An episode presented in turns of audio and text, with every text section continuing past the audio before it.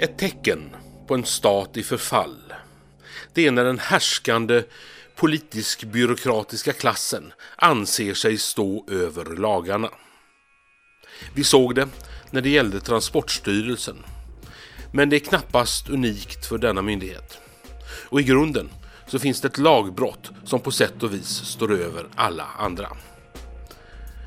Jag citerar regeringsformens tolfte kapitel. Citat. Särskilda bestämmelser om statligt anställda. Femte paragrafen. Arbetstagare vid förvaltningsmyndigheter som lyder under regeringen anställs av regeringen eller av den myndighet som regeringen bestämmer. Vid beslut om statliga anställningar ska avseende fästas endast vid sakliga grunder såsom förtjänst och skicklighet." Slut citat. Här talar vi alltså om landets grundlag. Principen om förtjänst och skicklighet återfinns även i lagen om offentlig anställning. Citat. Bedömningsgrunder vid anställning. Fjärde paragrafen. Vid anställning ska avseende fästas bara vid sakliga grunder, såsom förtjänst och skicklighet.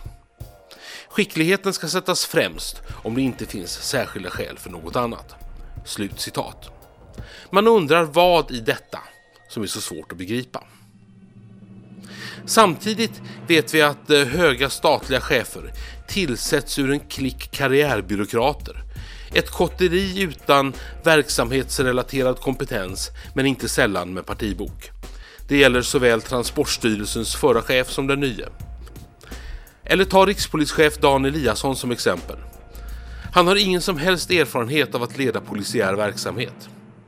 Däremot har han försänkningar inom sossarna och en karriär som myndighetschef för såväl Migrationsverket som Försäkringskassan.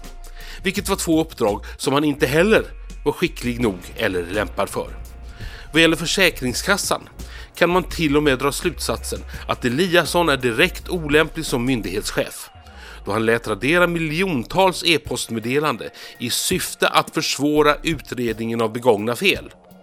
Det borde vara åtalbart men ses tydligen i regeringens ögon som en merit. Den politiska svågerpolitiken, den bryter helt enkelt mot lagen, rent av mot grundlagen, men ingen tycks bry sig. Politiken och byråkratin, den anser sig helt enkelt stå över lagen och att utkräva ansvar, det verkar i princip vara omöjligt. Än mer tragiskt blir detta om man betänker att det finns kompetent folk i de olika statliga förvaltningarna som Eh, kan verksamheten, som är skickliga och goda ledare.